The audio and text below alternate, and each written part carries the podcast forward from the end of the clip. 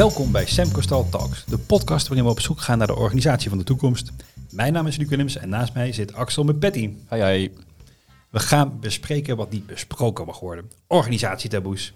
Vandaag gaan we in op het onbesprokene rond morele keuzes. Je wil het goede doen, maar is er wel een beste manier? En mag je het oneens zijn met wat een ander als moreel juist ziet? Deze en andere vragen gaan we stellen aan Lenette Schuit. Hallo. Lenette, tof dat je er bent. Je bent auteur, coach, partner en spreker over onderwerpen onder de paraplu van nieuw leiderschap. En om in één kern je visie op leiderschap beter te pakken, stuiten wij al gauw op de paradox tussen ziel en zakelijkheid. In al je programma's, lezingen en retretes gaat het om deze vraag. Ziel en zakelijkheid zijn best wel grote begrippen. Uh, hoe helpen ze jou in het maken van morele keuzes? Dat is ook best een grote vraag die je daar meteen stelt, ja. Ja, het gaat uh, bij mij bij morele keuzes niet altijd over ziel en zakelijkheid. Maar ziel en zakelijkheid is zeg maar de harde en de zachte kant tegen elkaar afwegen. En uh, nou, ik had er heel onlangs nog een voorbeeld van dat uh, mijn nieuwste boek is af en ik ben op zoek naar een uitgever. En ik sta nu voor de keus voor een grote, efficiënte uitgever die mijn boek heel makkelijk en snel op de markt kan brengen, maar waar je een nummertje bent. Of een kleine uitgeverij waar heel veel persoonlijke aandacht is en ook heel veel inspraak op hoe de vormgeving van het boek gaat zijn. Ja, en dan weeg je tussen, ga je meer voor de zakelijkheid, ga je meer voor de persoonlijke touch, de, zieling, de bezieling. En dan ook wel de vraag van, is het mogelijk om een uitgever te vinden die beide heeft? Uh, bestaat dat eigenlijk wel? En uh, als ik dan voor een van beide kies, laten we zeggen dat ik die kies, die dan meer persoonlijke aandacht heeft, hoe kan ik dan toch dat zakelijke stuk ook goed behartigen? Dan misschien moet ik dan zelf wat meer aan PR doen, omdat de uitgever niet het grote netwerk heeft wat een zakelijke uitgever misschien heeft. Dus het gaat om het voorkomen van de of-of vraag. Bij paradoxen, en volgens mij is ziel en zo'n paradox, daar gaat het om uh, hoe kun je ze verbinden, hoe kun je zorgen dat je ze elkaar laat versterken.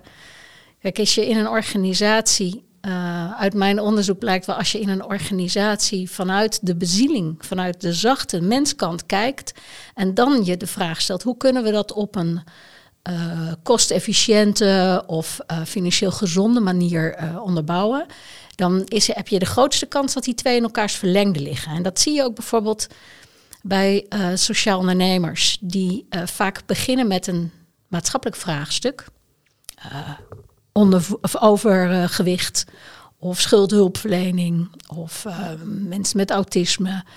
En die gaan zoeken naar een maatschappelijke oplossing daarvoor, waar een uh, gezond financieel businessmodel uh, onder ligt. En dan heb je een hele goede kans, goede, goed, dan is het heel goed mogelijk om die twee te verbinden. Begin je aan de andere kant, aan de zakelijke kant, dan is het altijd moeilijk om die menskant, die zielskant er met de haren bij te slepen. Het lijkt dan zo'n soort toetje, zo'n zo slagroom op het toetje. En dan wordt het niet geïntegreerd. Want omdat het dan niet vanuit de vraag gaat hoe kunnen we het een doen en het op de andere manier onderbouwen. Ja, en daarmee zitten we meteen op uh, wat mijn persoonlijke grootste hobbypaardje is, namelijk dilemma reconciliation, zoals Fons Trompenaars zou noemen. En dat hoe bereik je het een door het andere en omgekeerd. Um, is dat een manier van werken, uh, als je teruggaat naar het thema zien en zakelijkheid, die um, in opkomst is? Of leven we nog steeds in de tijden dat MVO en human potential in de plaats van human resources de extra dingetjes zijn in organisaties? Nee, we leven niet meer in die tijd dat het zo plat was. En, en MVO komt volgens mij ook nauwelijks meer voor in organisaties. Um, maar we zijn er nog lang niet. En misschien om die vraag te beantwoorden, dat ik het op een paar niveaus kan uitsplitsen. Als je kijkt op het niveau van de strategie van organisaties, uh, dan zien we echt een ontwikkeling dat er steeds meer bedrijven zijn die hun maatschappelijke verantwoordelijkheid wel degelijk willen pakken. Die zoeken naar duurzame oplossingen. Die zoeken naar uh, hoe ze in de, in de keten uh, mensenrechten kunnen, hoe noem je dat, honoreren. Daar, komt, daar is echt in, als je het vergelijkt met 20 jaar, echt een verschuiving in. En dat komt onder andere door de maatschappelijke verontwaardiging, dat het bedrijfsleven daar tot nu toe zo weinig zich aan gelegen liet liggen. En het komt ook door wat ik net noemde, die sociale ondernemers. Die laten zien dat het heel goed mogelijk is dat die twee samengaan. Dat je echt wel geld kunt verdienen met iets wat maatschappelijk relevant is. Dus op strategieniveau vind ik dat daar echt wel een verschuiving is. Als ik bij uh, bedrijven, maar ook overheidsorganisaties en ziekenhuizen en woningcorporaties binnenkom, dan is het onder dat niveau van de strategie um, niet zo rooskleurig. Want wat ik daar zie is dat het heel veel operationeel um, meer van hetzelfde is. Er is weinig verbinding tussen het besef wat er in de top echt wel uh, groeiende is. En uh, het mogelijk maken om dat ook in je dagelijkse werk geïntegreerd te krijgen. Uh, voorbeeld in een hele grote zorginstelling eh, daar krijgen ze überhaupt de roosters niet vol. Er is zo'n personeelstekort. Dat wil je het dagelijkse werk blijven laten draaien. Heb je daar gewoon je handen aan vol. Dat zij ook nog eens bezig moeten zijn met de maatschappelijke opdracht. Of dat ze meer wijkgericht moeten werken. Mm, daar komen ze gewoon niet aan toe. En uh, in, in het bedrijfsleven zie je vaak dat, dat het operationeel, dat mensen dus die middenmanagers die zijn zo bezig om de productie te realiseren, om uh, de, grondstoffenimport die vaak lastig is, om dat gerealiseerd te krijgen.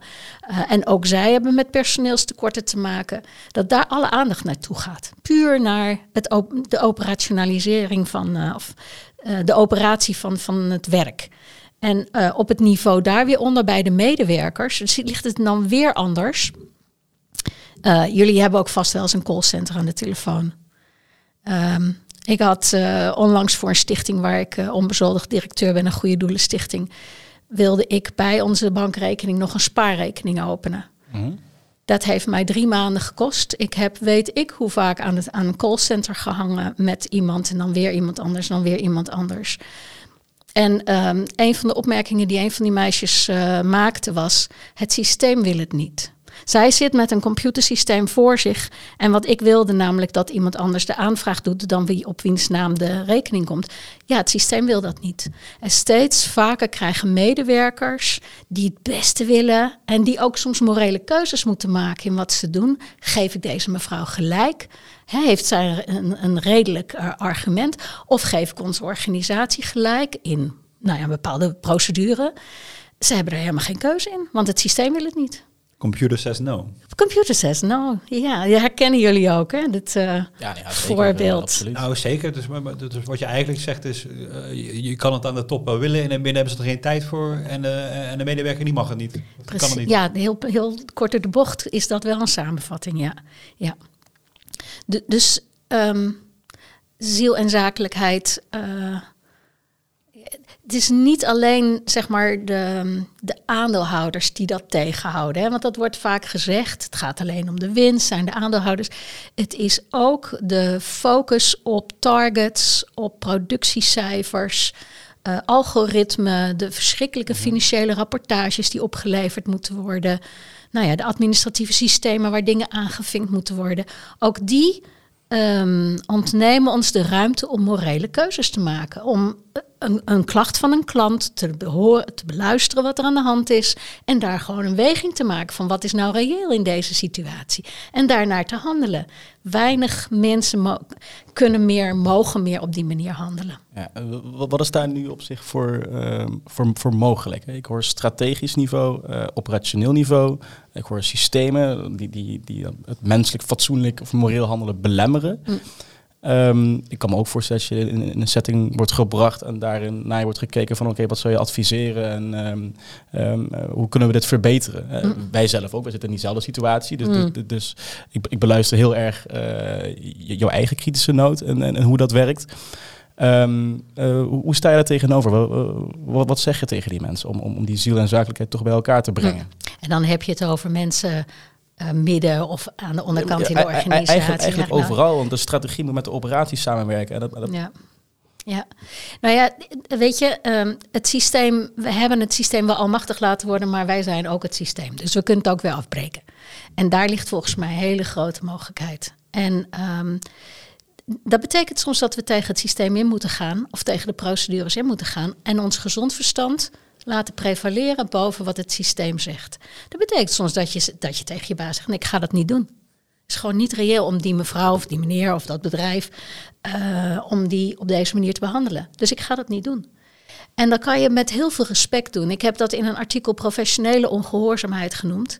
Want je gaat uh, regels aan je laars lappen. Of, maar niet vrijblijvend of luchtig van ik heb er geen zin in. Ik hou me er gewoon niet aan. Maar vanuit de bereidheid om in gesprek te gaan en over argumenten te hebben. En samen die weging te maken van wat is reëel, wat is rechtvaardig, wat is juist in deze situatie om te doen. En dat, ja, dat, ik, daar zie ik echt wel ruimte voor mensen op alle niveaus. Om zich niet zo als een makschaap te laten leiden door dat systeem. Als ik nou binnenloop in zo'n organisatie waarvan uh, de lettersruit zegt van uh, oké, mag, uh, je mag het echt wel benoemen. er staat nog steeds een baas naast me, of boven me in dit geval, die zegt van ja, ik heb meer macht dan jij. Um, ik ontsla je anders gewoon. Ja. Um, dus dan, dan is het misschien uh, aangegeven van uh, dit zou moet anders moeten. Nou, de keuze is ook vrij makkelijk om het wel te doen. Ja. Uh, om, het, om wel het systeem te volgen en tegen die mevrouw nee te verkopen, omdat het nou, het volgens het systeem zo moest. Dus, ja, het is makkelijker. Ja, precies. Dus uiteindelijk hoe, dus ook een bepaalde volwassenheid, een bepaalde, ja, een bepaalde durf, moed voor nodig. Um, om, om dat bespreekbaar te maken. Mm -hmm. dus er zitten nog wel wat drempels voor. Hoe, hoe ga ik over zo'n drempel heen? Nou, dat begint ook bij je leidinggevende. En ik, zit, ik ben natuurlijk vaak, net zoals jullie, in eerste instantie meer in gesprek met de leidinggevende dan de medewerker zelf. En die leidinggevende uh, durft zo'n leidinggevende zelf zijn nek uit te steken. He, heeft hij zelf uh, een, zicht op zijn eigen morele kompas? Wat hij belangrijk en juist vindt voor zijn medewerkers, voor de klanten, uh, voor, voor de samenleving? is die bereid en, en, en in staat ook om een gesprek te voeren met mensen over een heel mooi voorbeeld, dat haal ik altijd aan, van een uh, bestuurder in het uh, primair onderwijs. Um, die uh, geloofde gewoon echt niet meer in al die toetsen die vanuit het ministerie en CITO enzovoort op een school afkomen. Uh, en die zei, ik ga het gewoon niet doen. Ik ga die toetsen niet afnemen en ik ga niet dat standaard curriculum geven in mijn school. Het is mijn school en wij geven hier onderwijs zoals ik daarin geloof en mijn team daarin gelooft. He, dus is een leidinggevende die zijn nek durft uit te steken. Vervolgens is hij zijn agenda leeg gaan vegen en is hij al zijn tijd gaan besteden aan het in gesprek gaan met het ministerie van Onderwijs, het in gesprek gaan met de, met de inspectie, om uit te leggen, om te verantwoorden waarom die nee zegt. En om ook te kunnen garanderen dat die leerlingen wel een diploma hebben na zes jaar. Want dat willen die ouders natuurlijk wel. Ja. dus het is je verantwoordelijkheid nemen voor een oplossing, maar niet de oplossing die het systeem biedt. Ja, dus daarom beluister ik als, als, als, als, als directie, als strategische niveau uh, een, een, andere focus uh, dan enkel operationeel gericht, waar, waar, ja. waar, het nu nog vaak op is, uh, op is gefocust. Ja. Nou, we, we, komen, we komen hier ook dicht uit op waar het bij ons vaak over gaat, zelforganisatie en hm. je eigen, je eigen gezonde verstand volgen. Daar zou je ook bij kunnen scharen je eigen morele kompas. Ja. En, doen wat je juist vindt zonder um, uit het oog te verliezen um, wat andere vereisten of vragen zijn, maar die twee met elkaar te verbinden. Ja, ja, en weet je, het bedrijfsleven heeft heel lang gezegd, en dat hoor ik nog wel vaak. Wij zijn niet van de moraal. Is een soort ook, hè, jullie hebben het over taboes. Het is een soort allergie om te ja, hebben over moraal, ja, moraal moreel. uh, dogma's denk je dan meteen. Hè? Ik moet van alles. Terwijl uh, voor mij je zou kunnen zeggen, het bedrijfsleven is amoreel in de zin van dat ze niet met moraliteit te maken willen hebben. Ja. Maar als je, als je dat de hele tijd volhoudt om niet binnen de moraliteit te gaan, dan gebeuren er gewoon dingen waardoor het op een gegeven moment immoreel wordt. Als je niet je met moraliteit bezig wilt houden van je keten, je aanleverketen, en niet weet wat daarin gebeurt, wat daarin een mensenrechten wordt geschonden of een uitbuiting gebeurt, dan werk je dus mee aan iets wat mogelijk immoreel is. Dus ik vind dat je wel een standpunt zult moeten innemen in wat je juist vindt, ook al zijn we allergisch over dat woord moreel. En van mij mag je het ook gewoon een ander woord noemen, ethiek, als dat minder zwaar uh, beladen is. Uh, soms gaat het gewoon over je redeneringen om iets wel of niet goed te vinden. Nou, en, en, kijk, daar zouden meer gesprekken over moeten gaan. Ja. Ik, ik, vind het lastige bij alles wat grote begrippen zijn, en dat, is, dat geldt overigens net zo goed voor, voor zelforganisatie, mm -hmm. maar ook voor al heel veel andere begrippen. Je kan er zo moeilijk tegen zijn. Dus, dus, dus heb dan maar eens een echt gesprek. Dat geldt ook ja. voor duurzaamheid of rechtvaardigheid of mm -hmm. eerlijkheid of Um, uh, gelijke kansen, ja, diversiteit. Ja, natuurlijk wil je dat. Mm -hmm. Maar vervolgens, als je niet uitkijkt, heb je dus in de bestuurskamer een mooi gesprek daarover. En zijn we het heel erg eens over dit principe. Ja. Uh, maar blijft het daarbij? Ja, precies. En dat gesprek moet je juist op de werkvloer hebben. Uh, je zou iets als een moreel beraad of noem het intervisie van mij als je ja. dat, die term wil vermijden. Om met bepaalde situaties die je tegenkomt in je werk en te zeggen van in onze visiestatement hebben we staan duurzaamheid. Wat betekent duurzaamheid in dit geval? Bij de aanschaf van de nieuwe leaseauto's van onze medewerkers ja. bijvoorbeeld. Uh, of je hebt iets staan van goede kwaliteit van leven in een zorginstelling. Wat betekent dat in het geval van mevrouw K, die eigenlijk helemaal niet meer wil leven? Weet je, dus dat je, dat je het op de werkvloer heel concreet maakt. Wat betekent die, die waarde nu? Zonder dat dan meteen in allerlei formuleringen vast te leggen. Ja. Want juist dat gesprek erover. Waarom vind jij dat in dit geval duurzaamheid dit betekent? Waarom vind jij dat het dat betekent? En laten we eens dan begrijpen wat jouw redenering, wat jouw redenering is en hoe we dat met elkaar kunnen wegen. Dan komen we uh, niet alleen tot een zorgvuldige afweging, maar dan ontstaat er ook veel meer professionele kennis die gedeeld wordt. Want anders gebeurt dat alleen in ons hoofd als professional, welke afweging je maakt. Dus de kwaliteit van het werk wordt daar ook beter van, vind ik. En nou ja, jullie hebben het over zelfsturing, zelf, zelforganisatie. Um, in multifunctionele teams is dit een heel waardevol gesprek om te voeren, omdat je dan mensen hebt vanuit andere verschillende disciplines die verschillend kijken naar een concrete casus maar waar je ongelooflijk veel van elkaar kan leren. Ja, sterker nog, ik denk dat betere gesprekken hebben met elkaar, dat daar uh, uh, heel veel in te winnen is. Ja. Ik heb trouwens, ik heb, ik heb één, één voorbeeldje, en ik weet niet of u ons heel erg vooruit helpt in het gesprek, maar gewoon als, als proefballonnetje. Ah, dat maakt er helemaal niet uit. als, als proefballonnetje, want um, uh, ik, ik, was een, een, maand geleden nog bij de IKEA en ik ga je nu een verhaal vertellen, dan moet je eens kijken of je hier voor jezelf in kan bepalen wat moreel juist is. Hè? Je ik heb mijn heel karretje volgeladen. En ik denk, nou, dat is best gelukt. Ik ben binnen een half uur klaar in plaats van binnen de, drie uur door die hele doolhof te worden gestuurd. Ik denk, ik, is mooi. Ik met mijn karretje, ik wil naar buiten. Maar ik neem per ongeluk de verkeerde lift. En als je met de lift weer terug naar het begin gaat, dan mag je er niet meer uit. Dan moet je de hele winkel door. Want anders, ja, nou ja, je moet in ieder geval die, die twee verdiepingen helemaal rond. Dus ik vroeg al aan drie medewerkers, kunt u mij eruit laten? En ze nee, dat mag ik niet. U moet de hele winkel door. Dus wilden me dan nog wel de shortcut uitleggen. Moest langs de beren links, een hele ingewikkelde shortcut. Ik die hele ingewikkelde shortcut gevolgd. Kom een keer bij de kassa, maar ik stond er dus met een kartje. Met allemaal afgerekende spullen. En, en, inmiddels was de tijd aardig opgelopen. Dus in plaats van mijn geplande half uur, ik had niet eens veel tijd die dag, was ik al bijna anderhalf uur bezig. Dus ik was ook, ook al een beetje, een beetje boos aan het worden. Uh, en vervolgens kwam ik bij de kassa. Die kassa, waarom komt u hier met een karretje met spullen die allemaal, die allemaal al heeft afgerekend? Zeg, nou, ik heb hier een bonnetje. Hier liggen de spullen. Dus um, kunt u mij helpen bij de zelfscankassen zoals u normaal gesproken? Nee, nee, nee, nee, nee, dat kan niet. Dan moet de beveiliging komen. Dus ik, nou, dus ik stond daar een beetje te ontploffen alles inmiddels. En, maar ja, de, de beveiliging moest komen. Want dit, en dit viel duidelijk buiten de, buiten de standaardregels en standaardprocedures. Vervolgens was er iemand zo moedig van de zelfscankassa's om even bij te zeggen, meneer, ik kijk wel even. Loopt u maar door. Ja. Ja, dus nu aan, aan jullie de vraag, is dit juist?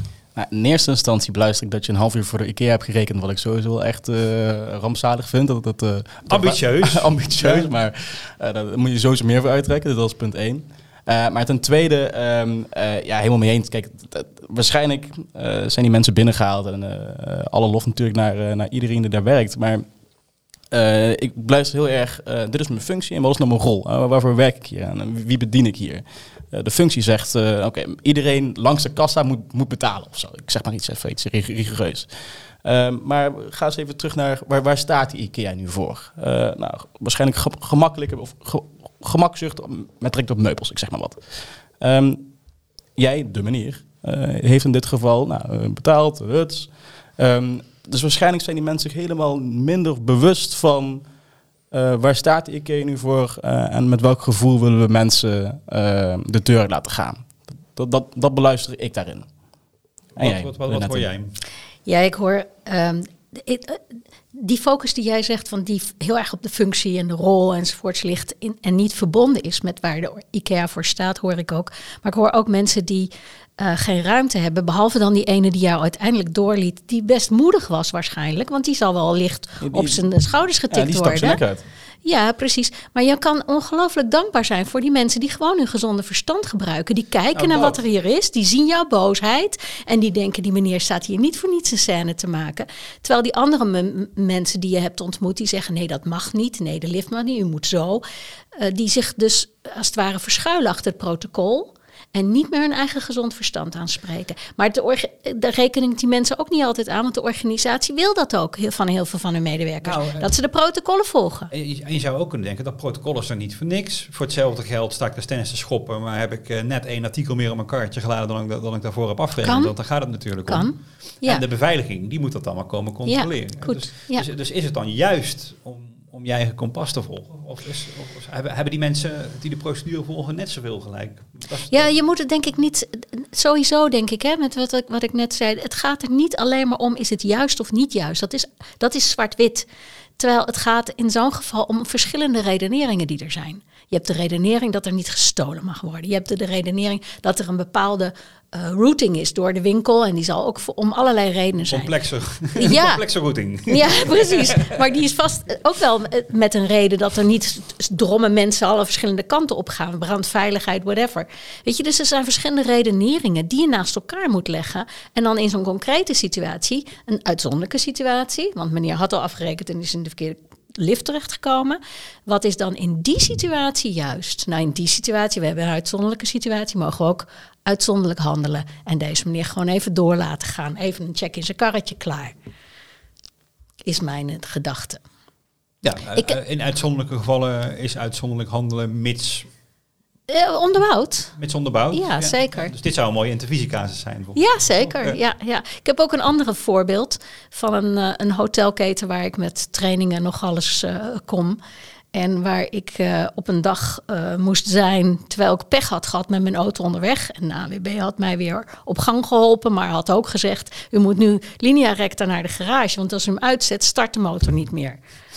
Maar ja, ik moest een training geven, dus ik reed naar, naar dat hotel toe en niet naar mijn garage. En ik zette hem uit. en ik stond een beetje zo verhit bij de receptie. En ik legde mijn sleutel neer, zo van, ja, ik weet ook niet hoe ik hier morgen weg moet. Nou, zei ze, meisje achter de receptie, pakte de sleutel. Ik zal kijken wat we kunnen doen. Zij heeft eh, die dag nog eh, geregeld dat een garage uit het dorp op het parkeerterrein mijn auto heeft gerepareerd. En ik keek daar en ik zei, dit is niet gewoon. Nee, zei ze, dit is niet gewoon. Maar wij zijn hier... De, onze doelstelling, de doelstelling van het hotel is mensen een onvergetelijk verblijf gunnen. Ja. Nou, ik zei, dat is je ben je eens in geslaagd. Zij had geen rolbeschrijving van wat ze als receptioniste mocht doen, hè, zoals Ja. de beveiliging en de kassamedewerker. Maar ze was puur vanuit de missie van de organisatie aan het kijken naar wat is er nodig. Nou, je voelt je als mens gezien. Zij heeft veel meer plezier in haar werk. En ik kom heel graag terug en ik loop overal dit verhaal over dat hotel te vertellen. Ja. Zal je buiten de uitzending vertellen Ja, welk hotel het is? Van de Val. maar eh, nee, ik, ik, ik, ik, zie- wel een lijn in, eh, in, in dingen die we, die we zeggen. Eh, dat, dat er meer gevoel ehm, eh, of ja, iets concreets uit de missievisie moet komen. Want de missievisie is ook wel soms een buzzword tegenwoordig. Of, of de, kern, de, kernwoorden, de kernwaarden van een, van een bedrijf. Eh, ver- Ga nou eens na, eh, heb een nou eens gesprek met mensen eh, wat die waarden voor ons als bedrijf betekenen. En eh, geef eens een casus waarin je uitlegt wat die waarden voor jou betekenen. Hè, want, want, want nu kom je gewoon heel vaak gewoon vertrouwen op de muur tegen, weet je. En dan gewoon 16 systemen die, je- die, waarbij je uren moet bijhouden of weet ik veel wat, weet je. Precies. Wat houdt dan vertrouwen in? Eh, meer op die wijze eh, ook, ook een sollicitatie of een onboarding aangaan. Van oké, pas je nu bij de waarde van het bedrijf? Want zoals Luc al mooi zei, eh, heel veel mooie abstracte waarden, ja, daar kan je tegen zijn. Ik heb, ik heb ook, nog, nog een ander. Ik, ik, ik ook nog een verhaal hebt. Verhalen zijn ook gewoon leuk. Even als, ik, ik heb nog een keer een klantenservice medewerker tot huilen gebracht. Omdat ik, ik, ze deed haar verhaal over hoe ze me allemaal niet kon helpen. Zeg, als je naar achter je kijkt op die poster met betrouwbaar, klantgericht. Nee, nee, nee. Welke van die waarden eh, zou je nu een vinkje zetten? Ik, dus ik, ze barst gewoon echt huilen uit. Ah. Ja, dat was heel lullig. Ik, ik, ik, ik pakte het ook niet offensief aan. Weet je, dus ik, ik zeg, als je nu zelf kijkt, hoe vind je dan dat het gaat? Ja, ja, ja. Prachtige vraagjes altijd. Daar moet je nou beginnen vooral. Maar, eh, eh, wanneer heb jij een moreel dilemma? Eh, eh, waar, waar- zie jij die spanning? Wat, wat ik eruit haal sowieso is dat, dat, dat, dat, dat, taken eh, ook al niet helpen in, in, een, in, je, in een goed je eigen kompas volgen. Als ze maar niet klemmend zijn, als mensen zich maar niet achter hun taak of hun rol verschuilen. Ja, als je, het kan heel goed zijn dat je, ik noem maar wat, bagageafhandelaar bent op, op Schiphol en je ziet iemand die eh, met stokken loopt en dat je even helpt om een koffer op de band te tillen. Zo taak niet, maar als je, als je de ruimte voelt om je taak wat breder op te vatten of om je collega te helpen, dan, dan is er met taken ook niks mis. Maar het moet de cultuur zijn in het bedrijf dat eh, het helpen van je klanten eh, belangrijker is dan het volgens de letter van de protocollen eh, te doen. En die cultuur, ja, daar, kan, daar kunnen leidinggevenden natuurlijk heel erg het voorbeeld eh, in zijn. In laat je zien dat jij vanuit die, dat vertrouwen werkt. En, en eh, dat je dat ook eh, uitstraalt in al je contacten, in al je gesprekken, in al je vergaderingen. Omdat dat is wat je serieus neemt. Kijk, ik vind het heel kwalijk dat er bedrijven zijn met van die mooie mission statements. En daar ook nog een hele communicatiestrategie achter zetten en flitsend materiaal eh, op ontwikkelen. En er dan niks aan doen, want dat, dat voedt het cynisme op de werkvloer. En dan kun je beter nog helemaal geen missiestatement hebben dan een missiestatement wat gewoon kul is, wat papieren, wat gewoon lucht is. En daar heb ik, daar heb ik eh, ja, dat kan mij pijn doen als ik zie hoe mensen daar cynisch van worden.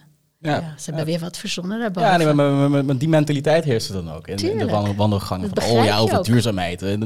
Maar eh, ten eerste, ons is nooit gevraagd hoe wij ook tegenover duurzaamheid, eh, eh, hoe wij daar tegenaan kijken. Ehm, want wij moeten wel het werk uitvoeren. En als wij die visie niet delen, ja, uiteindelijk kan je het mooi in, in, de, in de boardroom bedenken, maar gebeurt het misschien heel erg weinig. Mhm. Dus ik, ik denk dat het inderdaad daarmee te maken heeft. In eerste instantie eh, heel actiegericht, casusgericht bijna. Hoe ga je met bepaalde waarden om in een organisatie? Dat, dat, dat haal ik hieruit.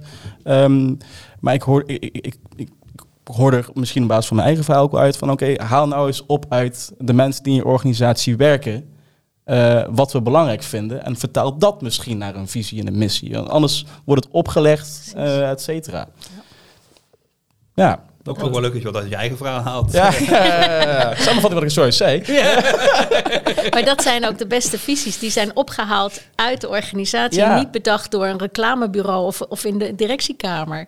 Ja. Maar, die, maar die gewoon, als je aan iedereen vraagt van wanneer doe jij in jouw ogen je werk goed? Ja. En als je dat dan allemaal verzamelt, ja, dan, dan heb je een doorleefde visie. Dan hoef je helemaal geen reclamecampagne te hebben, want dat zit al in eh, Ja. het werk van mensen. Nou, kijk, en ehm, wat je dan als leider eh, ook heel goed kan doen, is verhalen vertellen of aandacht geven aan de voorbeelden die je ziet of hoort, eh, waarin eh, bepaalde waarden of keuzes ehm, zich belichamen die je graag wilt zien. Ja, Want erkenning geven eh, is een van de belangrijkste drijfveren van mensen. Verhalen vertellen is een van de belangrijkste dingen die we kunnen. ja, Eh, dus welke verhalen geef je aandacht? ja.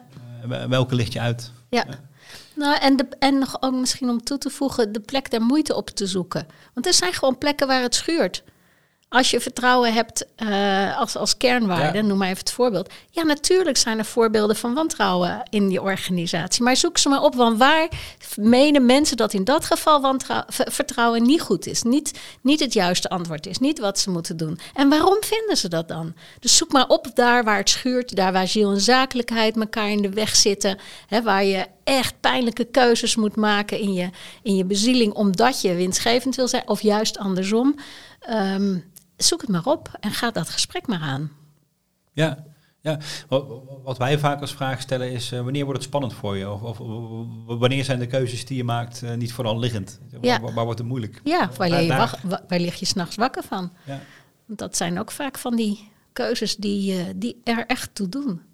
ja, dan zit er iets onder waarbij de keuze in ieder geval niet eh, eenvoudig is. Ja, ja. En, de- en waarschijnlijk staan er dus twee waarden met elkaar op eh, Ja. spanning. Nou, maar dat, de- die allergie waar ik het net even had, over had, hè, die allergie op moraliteit en het nadenken over je eigen morele kompas. Ik zie dat er bij, bij de jongere generatie daar wel veel meer ruimte is. Misschien niet die bezwaardheid die onze generatie misschien heeft om het te hebben over waar sta je voor, waar, welke impact wil je hebben op de wereld.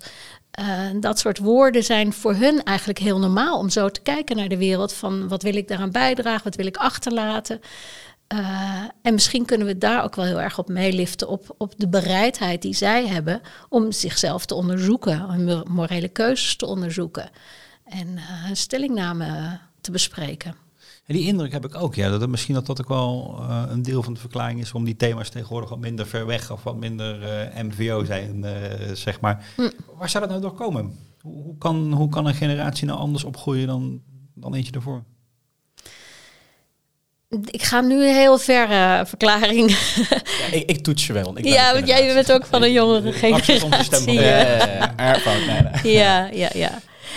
Um, kijk, de generatie die misschien nog wel zelfs net iets ouder dan ik, heeft uh, de verschrikkingen meegemaakt van uh, uh, Russisch communisme, van nazi-ideologie.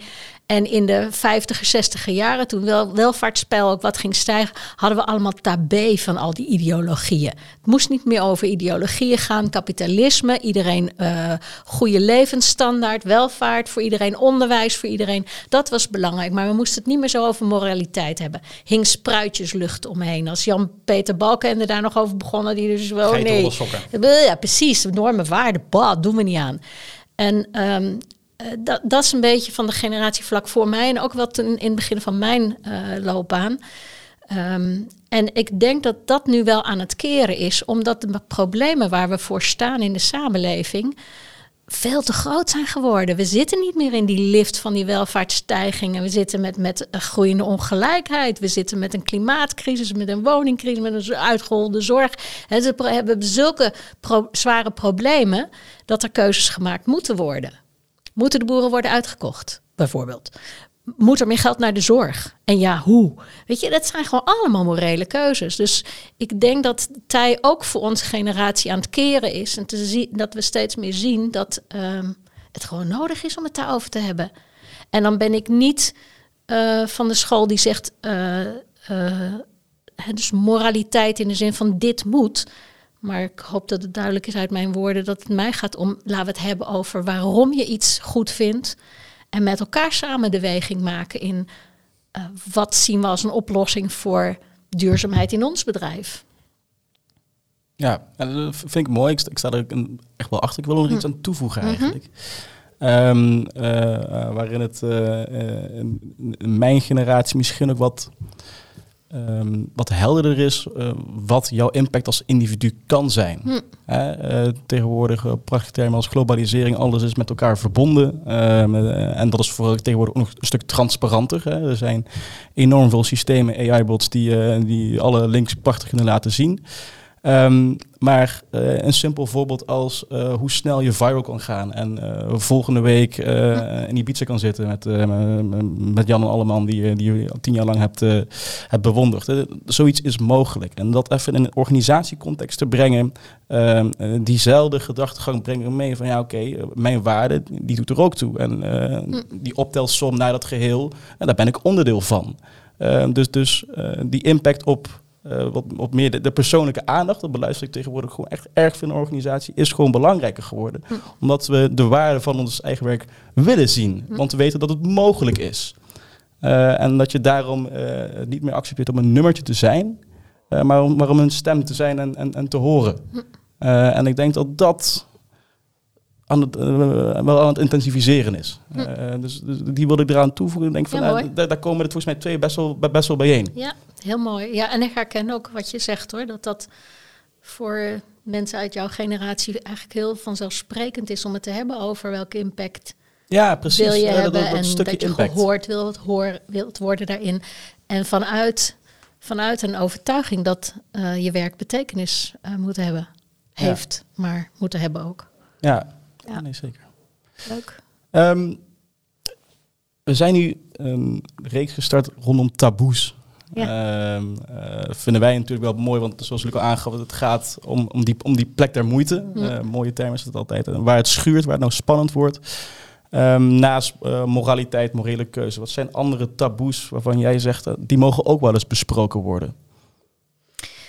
Ja, um, je wilt het dan met name op de organisatiecontext, maar ik trek, trek hem eerst even wat breder. Dat heeft te maken met het thema van mijn nieuwe boek.